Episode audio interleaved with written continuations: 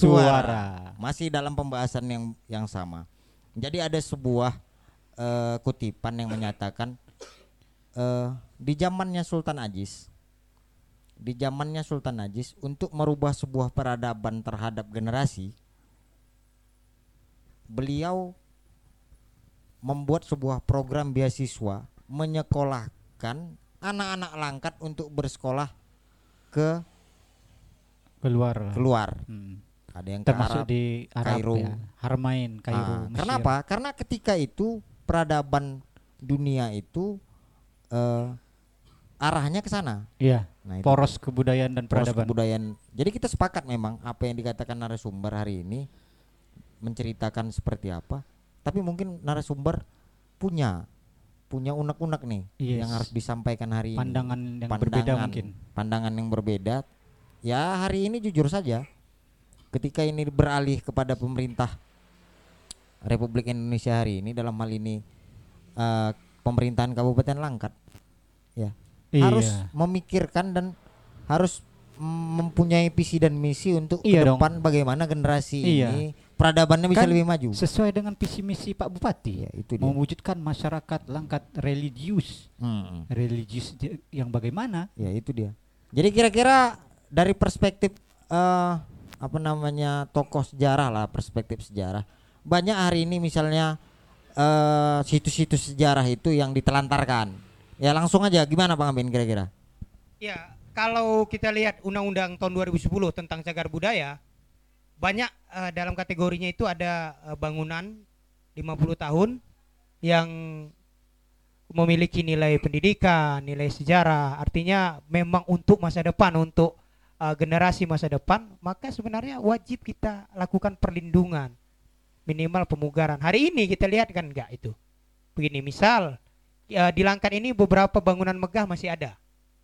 Masjid Ajiji eksis sampai saat ini karena dia rumah ibadah. Kemudian ada eh, stay JM sekarang ya Jamaiyah Muhammadiyah satu gedung beliau yang tingkat dua pada masa itu maju sekali bahkan ada Malik dalam memoarnya juga bilang bahwa Langkat itu pada saat dia sekolah di eh, Jamaiyah itu di Ajijiyah atau Mahmudiyah itu sangat luar biasa megah. Nah, kemudian kita lihat, kita ketahui bahwa Pertamina pun mengaminkan bahwa eh, minyak apa kilang eh, pertambangan minyak pertama di Indonesia itu ada di Dandan. di Brandan, di Brandan. Langkat, di Telaga Said begitu. Hari ini kan situs-situs itu tidak terbengkalai. Kalau kita lihat kita ke Brandan, kita lihat banyak eh, situs-situs bersejarah dalam sejarah minyak itu terbengkalai gitu. Saya sendiri sampai bilang kalau di Medan berhasil ada perkebunan, museum perkebunan Indonesia. Bayangkan seluruh perkebunan yang ada di Indonesia pusatnya di Medan. Itulah museum Luar biasa. perkebunan di Prijen iya. Katamso. Sementara saya berharap pemerintah daerah bisa mengajukan sebuah proposal kepada Pertamina sekarang yang kita Iya. tahu bahwa eh, perusahaan minyak nasional kita karena berasal dari langkat sumber dana perusahaan itu pertama untuk membuatkan sebuah museum karena itu untuk pengajaran kepada anak-anak itu begitu karena museum fungsi arti museum itu kan ada rekreasi edukasi banyak banyak fungsi dari museum. Kemudian balai kerapatan adat langkat itu sekarang menjadi museum daerah langkat. Yang saat ini kita lihat beberapa kita selalu dengar orang nggak tahu di mana museum daerah langkat begitu. Ada yang kelewatan tertutup lagi dengan pedagang-pedagang kaki lima. Kita harapkan kita tahu masyarakat juga eh, mencari nafkah dari posisi strategis kerapatan. Tetapi juga kita harus berharap pemerintah juga memikirkan bagaimana eh, tetap menjaga eh, nilai-nilai eh, Budaya. budaya kita eh, Storynya ya. iya wisdom kebi Iya. apa kebijaksanaan lokal kita kan begitu kan kemudian ba Titi Mm-mm. kita bangga orang semua tahu Titi eh, sekarang dinamakan Titi CP itu kan karena Jembatan, CP, jembatan. jembatan oh salah satu situs Iya, ya. jembatan yang menuju stasiun kereta api Iya, iya. kita. Saat ini stasiun kereta api kita sudah tidak ada lagi situsnya, beberapa Udah sudah hilang itu. sekarang. Namun dokumen ada, foto-foto, bukti kemegahannya ada. Tetapi kan hari ini jembatan itu tidak terurus gitu. Bagaimana dulu kita menjelaskan bahwa nak eh, kepada generasi yang akan datang bahwa titik kita itu dulu bisa dikatrol, bisa eh, Bisa melintang dibuka ketika dia. bisa dibuka gitu, diakses oleh ketika ada kapal masuk dia bisa diakses. Hari ini kan nggak bisa kita tunjuk itu. Kita lupa akan sejarah itu gitu. Bagaimana hari ini kita melihat Amir Hamzah lagi. Jangan dilupakan. Hari ini kita belum melihat buku Amir Hamzah. Amir Hamzah itu kan tokoh pujangga baru. Semua tokoh-tokoh eh, budayawan, sastrawan pada masa awal-awal Indonesia merdeka, pada masa perjuangan kemerdekaan menulis. Semua menulis HB Yasin, N. Hadini, Iya. Amrin Espani menulis tentang eh, kenangan mereka bersama Amir Hamzah, bagaimana karakter pribadi Amir Hamzah, bagaimana pemikiran-pemikiran Amir Hamzah tentang sastra itu yang di luar kebiasaan mereka begitu. Jadi kita hari ini kan nggak melihat itu. Kita lihat kalau di sekolah ada nggak buku kumpulan puisi-puisi Amir Hamzah. Sementara puisi Amir Hamzah banyak dikaji oleh eh, orang luar begitu. Saya semalam menemukan junior saya. Junior saya ini orang eh, Labuan Bili. Ketika dia di Jawa kuliah, ada membahas tentang Amir Hamzah. Otomatis dia merasa bangga gitu. Padahal sebelumnya dia abai tentang Amir Hamzah. Ketika dia di perantauan dia merasa memiliki Amir Hamzah. Bayangan seperti itu gitu kan. Iya. Itu yang menjadi kekesalan kita. Jadi kita harap seperti situs-situs istana gitu. Kita kan nggak nggak menunjukkan pelang di mana sih istana gitu. Kita bicara Iya. istana enggak gitu. Kita nggak punya sebuah apa ya sebuah deskripsi situs-situs sejarah kita begitu. Dalam itu. catatan Dinas Pariwisata untuk Tanjung Pura aja ada 40-an situs Iya, sejarah. 40-an situs eh, dan saya rasa untuk eh, diajukan ke UNESCO pun bisa. Bisa ya. Bisa karena Menurut Bung lah nih, menurut Bung Iya. eh, kira-kira sejauh mana sih kalau cuman pendataan doang kan eh, relevansinya untuk untuk meningkatkan kepeduli- kepedulian kita terhadap budaya itu apa yang dilakukan dinas terkait? Ya, hari ini begini. Kalau di beberapa kesultanan saat ini yang ada yang sama dengan Sumatera Timur itu mulai membangkitkan bagaimana eh, agungnya, besarnya se- eh, sejarah mereka begitu. Maka mereka mengumpulkan cendikiawan, cerdik pandai bahkan ber- beberapa eh, apa ya pemangku adat atau keturunan-keturunan sultan itu mem- membuat sebuah seminar, kemudian mengundang tokoh-tokoh cendikiawan akademis untuk membantu mempromosikan, untuk membantu merumuskan bagaimana kami punya, kami ingin sejarah kami ini bangkit, tapi kami kami sendiri pun tidak eh, cukup eh, apa ya, cukup kompeten membicarakannya, maka mereka mengeluarkan dana-dana itu gitu. Hari ini kan kita enggak dilangkat, kita enggak mengundang banyak profesor-profesor yang mengerti langkat, tahu langkat, bahkan namun kan saya melihat tidak ada keseriusan begitu. Bagaimana maket istana? Kita punya museum. Maket istana itu cuma satu. Dan itu saya rasa pun eh cuma satu gitu. Padahal kita punya istana itu dua. Ya, Belum lagi Mas. Lurah begitu. Betul, Bagaimana betul, betul. maket apa itu? Itu yang Betul, menjadi eh, keresahan saya. Bahwa saya minta memang Pemdanya juga memikirkan bahwa Tanjung Pura ini jangan dilupakan gitu. Ya. Jadi Tanjung Pura. Jadi Bang Alpin itu juga eh, ada dalam eh, rencana induk pariwisata daerah Iya. yang mungkin eh, hari ini tuh harus dijelaskan ke kita Tanjung Pura ini banyak situs. Kalau mau dijadikan kawasan wisata, wisata misalnya wisata budaya, ya kan? Dia harus jelas Iya. rootnya itu seperti apa rootnya se- Iya. eh, pariwisatanya harus seperti apa jalannya itu seperti apa harus dijelaskan karena apa karena hari ini di berbagai tempat ya contoh Tobasa itu lagi bergeliat untuk membangun kawasan wisata jelas itu PAD-nya gitu. nah itu dia jadi memang kita harapkan Pemda ini harus Iya. mencari pemikir-pemikir lah Karena Itu memang dia. kita lihat Tanjung Pura sendiri pun memang lokasi yang sangat unik. Karnavalnya ramai. Begitu. Seluruh eh, ke seluruh wilayah Langkat sekarang tidak ada karnaval yang tiap tahunnya sebenarnya sudah ada tradisi dari zaman kerajaan karnaval-karnaval itu begitu. Pawai-pawai itu gitu. Dan didukung dengan geografis Tanjung Pura yang mana dia kotanya bulat gitu.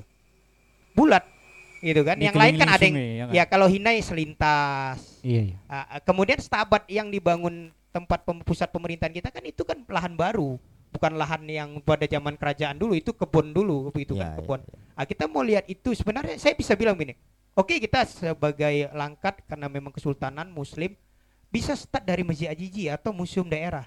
Kemudian jalan ke jalan Sudirman, di situ banyak pusat pertokoan bisnisnya kita, pusat bisnis pada masa kesultanan. Kemudian banyak rumah-rumah bangsawan-bangsawan yang megah sampai saat ini bisa kita lihat, begitu kan, menunjukkan bahwa oh bangsawan dulu juga kaya gitu kan, bukan bangsawan sekedar bangsawan. gitu. Mm. Kemudian kita jalan di mana ada pusat-pusat sekolah kita, ada SMA, kemudian ada Langkat SMP School. 1, iya Langkat School.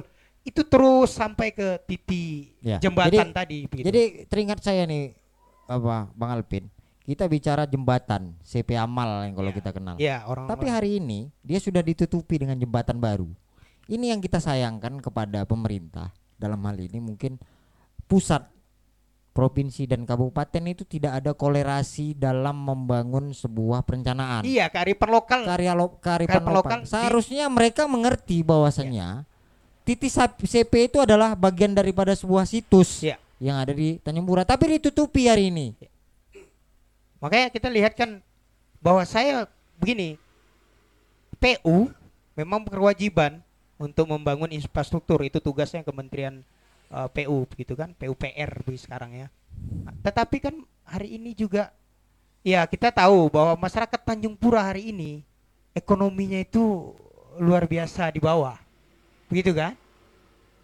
Nah, begitu, luar biasa di bawah. Maka Titi hari ini yang kita tahu dulu bangunan yang megah banyak banyak hilang. Banyak Yang hilang. banyak situs-situs yang hilang Iya. karena mungkin ya itu tadi karena tidak dipromosikan Iya. dan tidak diberitahu Kurang greget pemerintahnya. Iya, itu mungkin dia. ya. Jadi Ya kita media bingungnya di situ. media media promosi kita bicara Tanjung Pura hari ini enggak kita jual hanya sekedar Masjid Ajiji aja Iya. gitu kan Bang Alpin. Iya. Tapi banyak banyak ah, banyak apa namanya kolaborasi wisata yang Iya. bisa kita iniin. Ada budaya, ada kuliner, ya kan? Iya, di situ. Ada situs bangunan. Itu sebenarnya. Itu sebenarnya kalau di Eropa itu mahal karena bisa menjadi tour ya. tur Kalau sejarah kalau itu. di Jakarta ada kota tua namanya. kota tua begitu. Kita pun kota tua begitu. Tapi kan masalahnya tua di persepsi kita ini tua kuno. Padahal Jadi itu dia Bang Alpin ya. Jadi kita sepakat bahwasanya hari ini pemerintah daerah itu hanya jangan jangan apa namanya membuat sebuah perencanaan itu hanya pemikiran konsultannya saja Iya. gitu ya. Dalam tanda kutip gitu Iya. ya. Tapi harus mengikut sertakan pemikiran-pemikiran kaum muda, iya.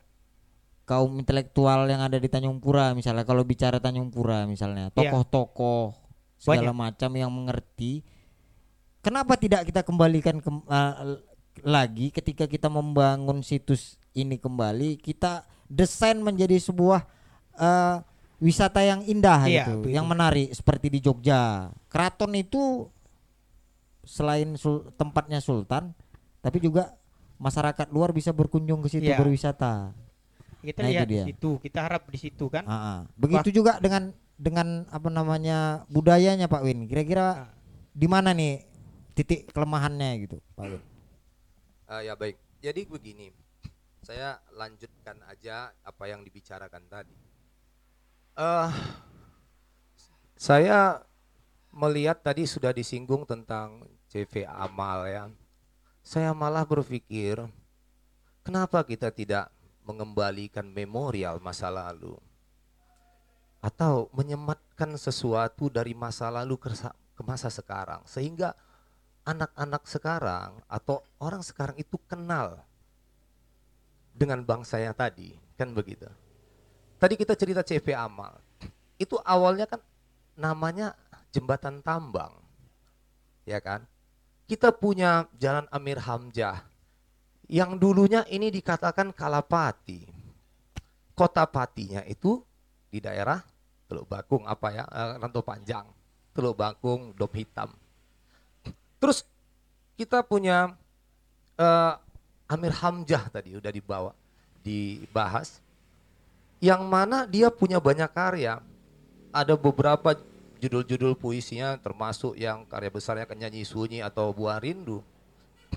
Saya malah berpikir eh, coba kita beranalogi gitu saya sudah sampaikan juga tentang hal ini kepada dinas pariwisata, kepada kepada dinas pada saat itu. Coba kita bayangkan dulu Amir Hamzah itu berada di Tanjung Pura, dia menciptakan sebuah puisi yang namanya uh, buah rindu atau uh, berdiri aku. Kenapa tidak kita ambil satu spot-spot sejarah yang ada di sini sudut-sudut kota atau jembatan tadi yang akan kita sematkan namanya gitu. Baik itu kita bawa tadi dengan jembatan tambang atau kita menyatakan itu menjadi jembatan berdiri aku Amir Hamzah. Jadi saya sampai katakan bahwasanya satu-satu jembatan yang ada di Indonesia ini yang bisa berpuisi itu hanya jembatan yang ada di Tanjung Pura gitu.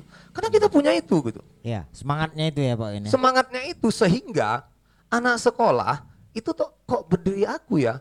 Oh, itu kan nama judul puisi Amir Hamzah. Oh ya, mereka akan mencari ya, literasinya. Betul, betul. Begitu. Betul. Atau sudut-sudut kota di mana kita buat, kita sematkan nama-nama itu gitu.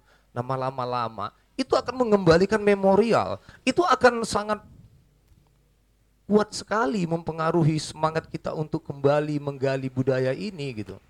Nah, lalu uh, menyambung kepada uh, apa visinya sebenarnya. Saya uh, teringat dengan kata adab lebih tinggi daripada ilmu. Artinya kita memang harus belajar beradab tidak cukup berilmu. Ya, kalau hanya sekedar berilmu sekarang anak-anak sekarang gampang untuk mendapatkan ilmu pengetahuan baik dari Google maupun dia searching di mana pun. Tapi adab itu Melayu itu punya adab. Tadi saya sudah kita singgung mengenai adab yang teradat yang teradat adat yang diadakan. Bagaimana adat yang teradat itu adat sesama atau lebih tua dari kita. Ini semuanya ada aturannya di dalam dunia Melayu. Karena di sini ada ilmu pengetahuan begitu. Berilmu itu, belajar itu memiliki adat. Makanya besilam itu, mengapa membuat munajat yang harus diperdengarkan dua kali dalam satu hari. Bahkan tiga kali kalau apabila hari Jumat. Dibacakan 40 syair-syair munajat itu. Sebenarnya apa tujuannya? Adalah untuk membuat masyarakat di sana untuk tetap memegang teguh adab dan adat istiadat yang ada di situ. Sehingga itu tertanam, ilmu pengetahuan itu ditanam terus. Terdoktrin untuk selalu mengikuti apa yang ada sebagai aturan gitu. Nah, jadi ilmu pengetahuan itu jadi kalau kita melihat langkat ini berdiri memang berakar dari ilmu pengetahuan, bukan hanya maktab kita bilang Masjid Ajiji apa uh, Jamaiyah juga Besilam itu sudah men, membuat 13 minimal kurang lebih sekitar 13 buku. Jadi kalau kita bicara percetakan buku pertama yang ada di Langkat ini Besilam yang punya. Artinya mereka fokus untuk pendidikan karena memang bangsa ini harus bangkit dari dari pengetahuan dan yang beradab gitu. Yang mereka memang uh, harus mengerti bagaimana harus berperilaku di dalam masyarakat. Nah, itu tadi. Jadi dengan kita membangun situs-situs tadi, dengan kita juga tadi disimbung bagaimana kita melihat uh, situs yang ada, kita bengkalaikan. Ini ini sama saja kita tidak beradab sesungguhnya. Kita tidak beradab kepada orang-orang pendahulu kita. Kita tidak melihat itu ada ilmu pengetahuan di sana. Kalau tadi cerita uh, kerajaan ada dua, yang kita sebut sebenarnya kalau kita mau tarik dari Jentera Malai kita punya enam istana. Yang saat ini kalau kita bicara ke istana Kala Putri yang ada di di Gebang itu masih ada tiangnya. Masih ada tiangnya di apa e, desa air tawar. Masih ada. Jadi artinya ini kita kita menutup mata untuk itu gitu langkah ini menutup mata untuk itu bahkan kuburan-kuburan lama, makam-makam lama, sultan panglima yang sudah kami dari LHI udah coba untuk uh, terjun ke sana untuk membersihkan atau merenovasi yang bisa kita lakukan. Ini ini bagaimana kita sebagai bangsa yang berilmu dan beradab tadi gitu. Nah, jadi saya harap pemerintah dalam hal ini lebih pedulilah dengan dengan cagar budayanya. Kalau tadi kita cerita 37 yang sudah terdata dari Kabupaten Langkat, Dinas Pariwisata ada 127 situs. yang kalau andai kata di di gali lagi katanya berpotensi sampai 300 situs yang ada di Langkat. Jadi kita kita layak layak sangat layak untuk menjadi kota wisata budaya. Kota wisata budaya ya. Ya, karena kita punya situs yang cukup banyak. Ya, kita bukan hanya alam, bukan hanya wisata alam, tetapi ada wisata budaya, ada wisata religi, besilam, dan ada juga wisata sejarah, ada wisata uh, etnologi di sini yang bisa kita apa? Kita ramu menjadi kekayaan wisata. Di samping itu tadi ada kekayaan kuliner tadi yang kita bisa buat arak-arakan. Ada pesta rakyat yang dulunya yang hilang sampai saat ini. Dulu pernah kita punya apa namanya uh, uh, pesta ajiji ya, festival ajiji. Sekarang itu apa yang akan kita lakukan? Ronggeng dan sebagainya itu bisa kita buat di situ gitu. Membaca gurindam, lalu uh, bersyair, berdedeng, lalu kita bisa melakukan uh, apa? kebudayaan-budayaan yang lain gitu. Tari-tarian ataupun mungkin mungkin saja bisa teater mayung bisa kita bangun lagi. Dan kita dulu Melayu juga punya wayang. Wayang wong kita punya dulu. Yang sudah menjadi milik milik Melayu gitu. Jadi saya terpikir kalau di Riau ada namanya Bakoba. Bakoba itu berkabar sebenarnya kalau dalam bahasa Melayu Riau. Yang mereka itu bercerita tentang sejarah-sejarah Eh kita ini langkat, langkat itu memang dari haru. Cerita haru itu kita bisa masuk ke dalam hikayat Putri Hijau. Eh Putri Hijau itu syairnya itu merupakan berbentuk bait-bait pantun. Kenapa itu nggak kita dedengkan? Oh. Ada 10 10 section dead, uh, apanya syair Putri Hijau yang bisa kita bacakan melalui mem, mem, membawakan dengan dedeng yang kita bawakan. Bekoba itu juga begitu. Mereka itu bersenandung membawakan cerita tentang dong tuongku. Kita kenapa nggak bawa Putri Hijau yang memang itu milik kita gitu? Apakah memang medianya memang belum ada ya Pak Win ya? Media untuk ber, beraksi itu ya? Yes, jadi sebenarnya kita tidak punya wadah itu, iya, ruang publik untuk itu media, kita tidak ada. Ruang publik ya, iya. untuk ber, berkreasi. Iya, ya. ya seperti itu. Itu dia. Jadi hmm. kalau itu ada, maka kita akan buat festival untuk mensairkan lagu uh, Putri Hijau tadi dengan membawakan dedeng sebagai melodi iramanya. Hmm. Banyak yang bisa kita gad ahoy, yeah. mengirit padi. Bagaimana mereka itu bernyanyi, mereka itu ber, berdedeng sambil mengirit padi. Kita anggap itu sesuatu oh ya udah itu udah banyak zaman sekarang sekarang sudah ada jetor yang bisa hmm. untuk untuk mengirit padi tidak seperti itu. Ya. Ya. Betul, tetapi nilai budaya di dalamnya ada kebersamaan di situ ada integ apa ya apa interaksi antar masyarakat yang lebih beradab ya. Yang lebih beradab, memiliki pengetahuan. Iya, betul betul. Kan begitu. Itu hmm. yang perlu kita bangkitkan. Iya, iya. Ya. Jadi kita berharap kan dari masukan-masukan narasumber ini bisa jadi sebuah pemikiran yang baik gitu. Ya. Jadi baik masukan. itu pemerintah daerah itu bukan hanya sekedar eksekutif gitu ya legislatif juga harus iya. memikirkan ini melege, kan sebagai melegislasikan ya melegislasikan uh, sebuah dalam regulasi perda. dalam perda hmm. tentang budaya Melayu ini memang harus diperdakan. Tapi aku pikir gini Kang, ah. karena kalau menurut analisis kita, hmm. ternyata secara internal kita sebagai warga Melayu Langkat ini untuk kesepahaman terhadap sesuatu aja itu pun payah. Makanya ketika kita kemudian merekomendasikan itu menjadi sebuah perda di dalam undang-undang yang akan di uh, akan diresmikan pemerintah, untuk kita sendiri belum sepahaman. Artinya kita kan bisa lihat, kita lihat kalau misal berbicara sejarah Melayu berapa versi gitu. Versi yang pro pro revolusi, ada ya, yang kontra revolusi. Jadi belum belum ada sepe, kesepahamanan. Ya, jadi sebenarnya kesepahaman itu iya itu langkah awal sebenarnya itu bisa jadi langkah awal uh -uh. artinya hari ini pemerintah daerah itu baik eksekutif maupun legislatif harus berpikir bagaimana menciptakan sebuah aturan budaya yang beradab dan berpihak iya, dalam kata-kata berpihak ini adalah jangan hanya segelintir orang saja, tapi semua unsur masyarakat ini harus diikut sertakan dalam memikirkan bagaimana peraturan ini bisa dibuat biar lebih Berarti enak gini, Kang. dia. Ya ka- kayak kita berbicara sejarah Melayu aja kan kan Mm-mm. jadi kontroversi itu. Ya. Mungkin juga ada tindakan semacam represif dari pemerintah untuk menyatukan persepsi dalam regulasi regulasi. Ya, itu misalnya dia. gini, misalnya kan ada ada misalnya kayak kayak sejarah Melayu versinya kan banyak nih. Ya. Bisa nggak kita ketika kemudian kita paksakan pemerintah untuk melegalisasikan se- apa namanya sejarah Melayu versi yang yang diakui secara pemerintah. Karena apa? Karena keti- ketika isu sejarah ini kita gelontorkan lepas akan seperti ini versinya. Itu masih sejarah, belum lagi budaya.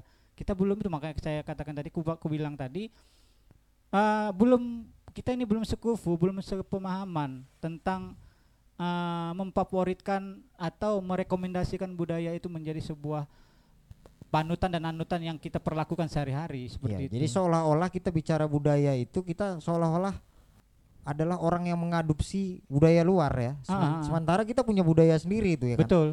Adat istiadat ya kan. Iya. Adab itu bagaimana anak lahir dari anak lahir sampai dia meninggal itu punya punya tatanan, punya Prosesi. punya prosesi yang yang bentuknya adat itu dia jadi eh kita harapkan itu tadi makanya kita harus harus apa pun ceritanya dengan berbagai macam media kita harus bergerak Kampanye untuk kan tuh. mengkampanyekan ini dia Iya. jadi campaign-nya itu adalah budaya ini harus ditegakkan dia Yes. ya. Jadi eh ada sebuah nasihat dari eh seorang Syekh Abdul Qadir Jailani yang isinya aku lebih menghargai orang yang beradab daripada berilmu. Iya. Karena kalau hanya berilmu, iblis pun lebih tinggi ilmunya daripada manusia. Jadi Oh. sudah jelas kan? mantap. Kita nggak butuh orang yang berilmu tapi tak beradab. Al adabu fokal ilmi. Iya, itu dia. Adab Syekh itu tuh. lebih tinggi daripada ilmu katanya Ah. begitu. Iya. Memang betul lah ya kan? Jadi mudah-mudahan di podcast yang eh, sederhana ini dengan tampil dengan apa adanya, tapi mudah-mudahan ini bisa jadi eh, masukan yang baik. Kita berharap kita punya mimpi yang baik ke depannya bagaimana eh, peradaban ini bisa kita kembalikan kembali sesuai dengan eh, apa namanya filsafah nasihat tadi. Kita butuh orang yang berilmu apa kita butuh orang yang beradab dengan ilmu yang tinggi. Iya betul. Jadi beradab dulu, baru ilmu itu bermanfaat dia. Kan itu Iya, dia Pak. Pak Win ya. Ah, ah. Ya betul. Ah jadi benar. Jadi saya pikir kita harus beradab karena dari situlah kita harus berangkat untuk membangun bangsa dan generasi ini. Sekitar satu bulan yang lalu saya jumpa dengan Pak Hairul, seorang pemain akordeon Melayu yang dipanggil untuk menampilkan musik Melayu di Museum Tanjung Pura. Jadi dalam waktu kesempatan kami istirahat di samping, saya bilang, Pak Hairul, Hang Tuah mengatakan tak akan hilang Melayu di bumi. Apa dikatakan Pak Hairul yang membuat saya terenyuh? Laksamana mati dibunuh, dia bilang. Mati dibunuh Datuk Panglima bukan puak Melayu tak mau tumbuh, tapi bumi tak mau menerima. Oke, itulah dia tadi bercakap. Bercakap. Assalamualaikum warahmatullahi wabarakatuh. Waalaikumsalam warahmatullahi wabarakatuh.